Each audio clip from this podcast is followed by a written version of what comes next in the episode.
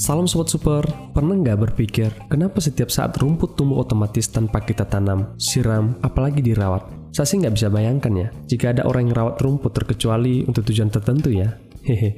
Tetapi pada umumnya kita kan nggak suka ya.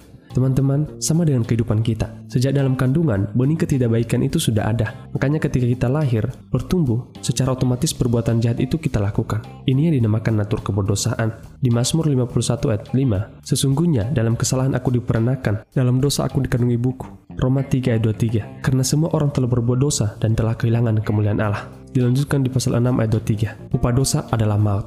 Teman-teman, hal ini menunjukkan bahwa kita yang berdosa akan menuju maut, neraka yang kekal.